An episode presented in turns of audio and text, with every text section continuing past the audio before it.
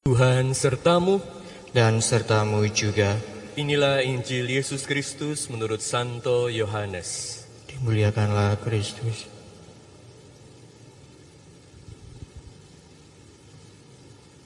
Ketika Lazarus jatuh sakit, kedua saudaranya, Maria dan Marta, mengirim kabar kepada Yesus. Tuhan, dia yang kau kasihi sakit. Mendengar kabar itu Yesus berkata, penyakit itu tidak akan membawa kematian, tetapi akan menyatakan kemuliaan Allah. Sebab oleh penyakit itu anak Allah akan dimuliakan. Yesus memang mengasihi Marta dan kakaknya serta Lazarus. Namun setelah didengarnya bahwa Lazarus sakit, ia sengaja tinggal dua hari lagi di tempat di mana ia berada. Tetapi sesudah itu ia berkata kepada murid-muridnya, Mari kita kembali lagi ke Yudea. Ketika Yesus tiba di Betania, didapatinya Lazarus selama empat hari berbaring dalam kubur. Ketika Marta mendengar bahwa Yesus datang, ia pergi mendapatkannya. Tetapi Maria tinggal di rumah. Maka kata Marta kepada Yesus, Tuhan, sekiranya engkau ada di sini, saudaraku pasti tidak mati. Tetapi sekarang pun aku tahu bahwa Allah akan memberikan kepadamu segala sesuatu yang engkau minta kepadanya. Kata Yesus kepada Maria, saudaramu akan bangkit. Kata Marta kepadanya, aku tahu bahwa ia akan bangkit pada waktu orang-orang bangkit pada akhir zaman. Jawab Yesus, akulah kebangkitan dan hidup. Barang siapa percaya kepadaku, ia akan hidup walaupun sudah mati. Dan setiap orang yang hidup serta percaya kepadaku tidak akan mati selama-lamanya. Percayakah engkau akan hal ini? Jawab Marta, Ya Tuhan, aku percaya bahwa engkaulah Mesias anak Allah. Dia yang akan datang ke dalam dunia. Kemudian ketika melihat Maria menangis, Yesus sangat terharu dan berkata, Di manakah dia kamu baringkan? Jawab mereka, Tuhan, marilah dan lihatlah. Maka menangislah Yesus. Kata orang-orang Yahudi, lihatlah betapa besar kasihnya kepadanya. Tetapi beberapa orang di antaranya berkata, Ia yang memelekkan mata orang buta, tidak mampukah ia bertindak sehingga orang ini tidak mati? Makin masyullah hati Yesus. Lalu ia pergi ke kubur itu. Kubur itu adalah sebuah gua yang ditutup dengan batu. Kata Yesus, angkatlah batu itu. Marta, saudara orang yang meninggal itu berkata kepada Yesus, Tuhan, ia sudah berbau, sebab sudah empat hari ia mati. Jawab Yesus, bukankah sudah kukatakan kepadamu, jikalau engkau percaya, engkau akan melihat kemuliaan Allah. Maka mereka mengangkat batu itu. Lalu Yesus menengadah ke atas dan berkata, Bapa, aku mengucap syukur kepadamu karena engkau telah mendengarkan aku. Aku tahu bahwa engkau selalu mendengarkan aku. Tetapi oleh karena orang banyak yang berdiri mengelilingi aku ini, aku mengatakannya supaya mereka percaya bahwa engkaulah yang telah mengutus aku. Sesudah berkata demikian, berserulah Yesus dengan suara keras, Lazarus, marilah keluar. Orang yang telah mati itu datang keluar, kaki dan tangannya masih terikat dengan kain kafan, dan mukanya tertutup dengan kain peluh. Kata Yesus kepada mereka, bukalah kain-kain itu, dan biarkan ia pergi.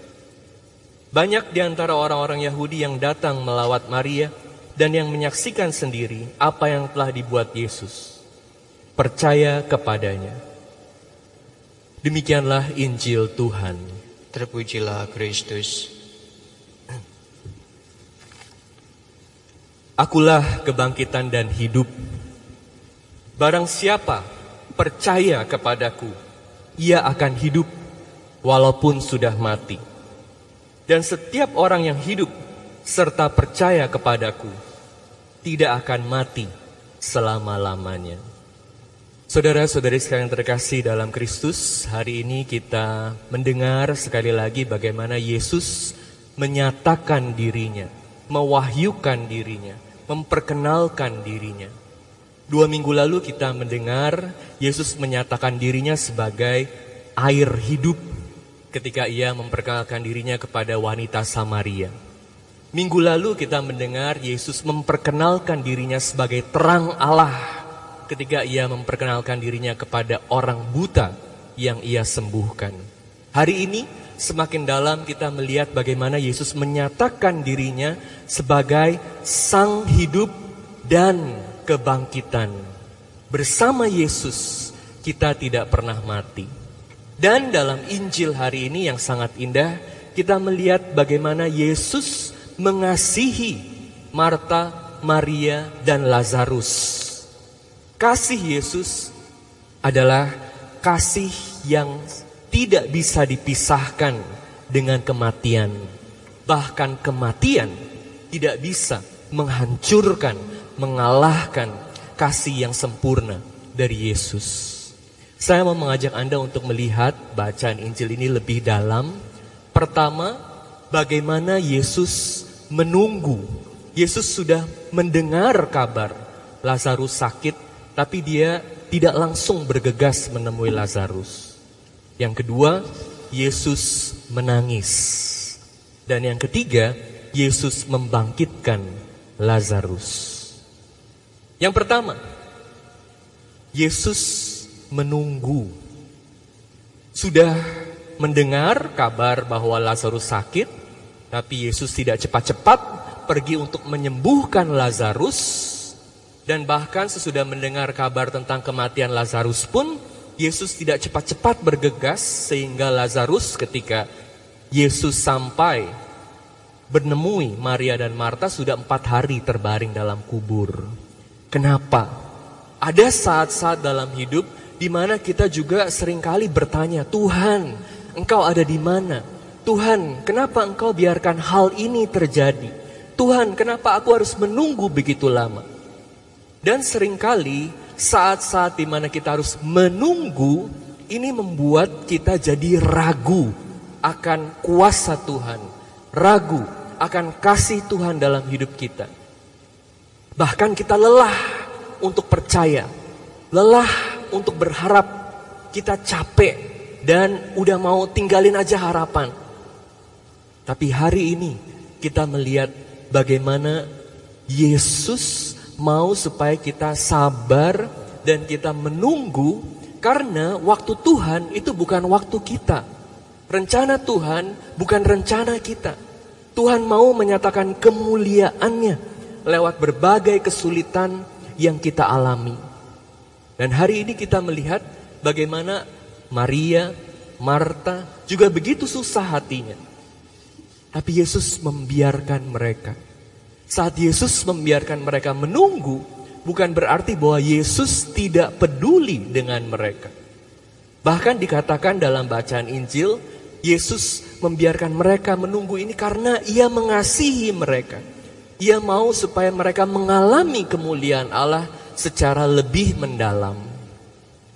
Di saat-saat sulit ini kadang kita, kita juga bertanya, Tuhan engkau ada di mana? Kita juga capek nunggu. Ada teman-teman yang tanya kepada saya, Romo, kapan krisis corona ini berakhir? Saya berharap saya tahu jawabannya. Tapi saya juga tidak tahu. Jadi kita harus sabar, menunggu waktu Tuhan, menunggu Tuhan berkarya. Kita terperlu terus percaya bahwa Allah tidak meninggalkan kita. Dan sungguh, poin kedua yang saya ingin sampaikan, Yesus menangis. Ketika Yesus berada bersama Maria dan Marta, ia sungguh-sungguh merasakan kesedihan yang juga mereka alami. Yesus tahu bahwa ia akan membangkitkan Lazarus, tapi saat itu Yesus sungguh-sungguh bertindak, berlaku sebagai seorang manusia yang juga bisa merasakan kepedihan, kehancuran hati, kehilangan seorang sahabat. Makanya ketika orang-orang yang ada di sekitar Yesus melihat Yesus menangis, mereka mengatakan, "Lihat bagaimana dia sungguh-sungguh mengasihi Lazarus, mengasihi mereka." Di saat yang sulit seperti ini, banyak dari kita yang mengalami kesedihan, kecemasan, kehancuran hati, tapi kita perlu selalu percaya bahwa Tuhan tidak meninggalkan kita sendirian. Kalau kita bersedih dengan situasi saat ini, Tuhan juga sedang bersedih bersama kita. Oleh karena itu, kita perlu menyatukan berbagai penderitaan, ketakutan, kesedihan kita juga dengan Yesus yang selalu peduli terhadap kita. Yesus sedih karena Yesus adalah seorang manusia. Yesus juga menderita bersama kita. Tapi Yesus menjadi manusia dan menderita bersama kita. Dan sebentar lagi kita akan uh, masuk dalam minggu suci, dua minggu lagi. Kita akan masuk minggu uh, dalam minggu suci di mana kita juga uh, memperingati, mengingat penderitaan Yesus. Walaupun Yesus tahu bahwa ia akan bangkit, bukan berarti bahwa Yesus tidak menderita di hari Jumat Agung itu. Jadi Yesus ambil bagian dalam penderitaan kita manusia supaya apa? Supaya manusia bisa ikut serta dalam kemuliaan Allah, dalam kebangkitan Allah. Dan sungguh ini yang dinyatakan oleh Yesus dalam hidup Lazarus. Ia sudah berada di kubur selama empat hari. Buat orang-orang Yahudi, mereka percaya bahwa sesudah empat hari ini jiwa sungguh-sungguh meninggalkan badan. Lazarus sudah berbau. Makanya saudaranya ketika mendengar uh, untuk membuka, Yesus meminta orang-orang Yahudi membuka kubur Lazarus, dikatakan ia sudah berbau. Dan sungguh justru karena itu Yesus mau menyatakan kemuliaannya secara lebih mendalam. Di saat kita mengalami penderitaan yang paling besar, paling mendalam, kita perlu menyatukan penderitaan ini bersama penderitaan Kristus. Dalam cerita para kudus, cerita Santo Santa, kita melihat bagaimana mereka juga bukan hidup enak-enakan saja. Mereka juga mengalami sakit mereka juga mengalami penolakan. Yohanes Paulus II mengalami Parkinson. Bernadette Subiru yang terkenal karena penampakan di Lourdes juga mengalami menderita sakit yang luar biasa. Tuhan mengajak mereka masuk dalam malam gelap. Karena Tuhan mau menunjukkan bagaimana indahnya bintang-bintang di malam yang paling gelap dalam hidup kita. Jadi jangan takut masuk dalam kegelapan karena kita selalu bersama Tuhan yang mengasihi kita dengan kasih yang bahkan tidak bisa dihancurkan oleh kematian. Oleh karena itu, kesempatan sulit ini menjadi kesempatan di mana kita bisa mengalami kasih Tuhan dan dengan mengalami kasih Tuhan kita juga bisa membagikan kasih ini kepada orang lain. Ini adalah kesempatan kita bisa jadi santo, santa. Saat ini ada orang-orang yang meninggal karena virus corona. Tapi juga ada orang-orang yang meninggal karena kelaparan. Apa yang kita lakukan buat mereka? ketika saya mencari kisah Santo Santa yang luar biasa kasihnya di saat banyak orang mengalami kesulitan.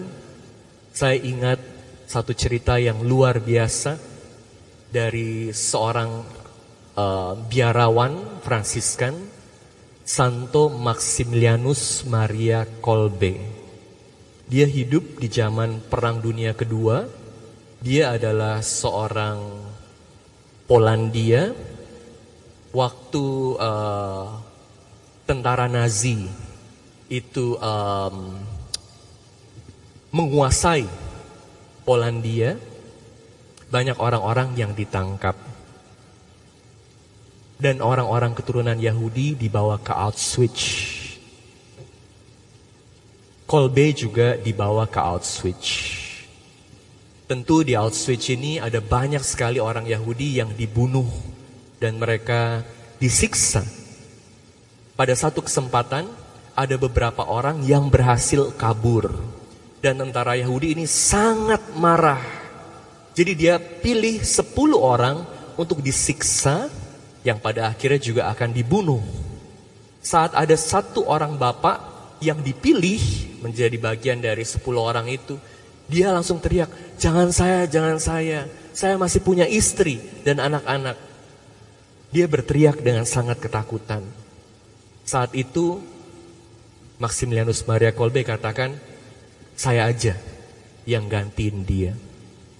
Jadi di saat sulit seperti ini, kita melihat bagaimana ada orang-orang yang karena hidup dengan kasih Allah, hidup dengan semangat Allah itu bisa membagikan kasih, memberikan hidup kepada orang lain. Orang seperti ini tidak pernah mati karena Allah hidup dalam dia. Apa yang Kolbe lakukan di saat dia dipenjara secara lebih menderita bersama sembilan orang lainnya di dalam satu sel, dia selalu memberi kekuatan selalu mengajak mereka berdoa, selalu membagikan sabda Allah, selalu mengingatkan kasih Allah dalam hidup mereka.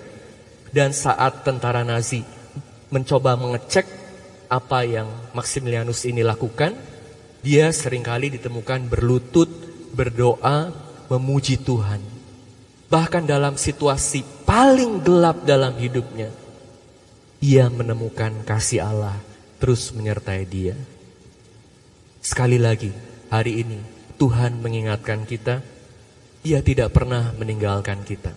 Kasihnya tidak pernah bisa mengalahkan kematian, karena Ia adalah hidup dan kebangkitan. Amin.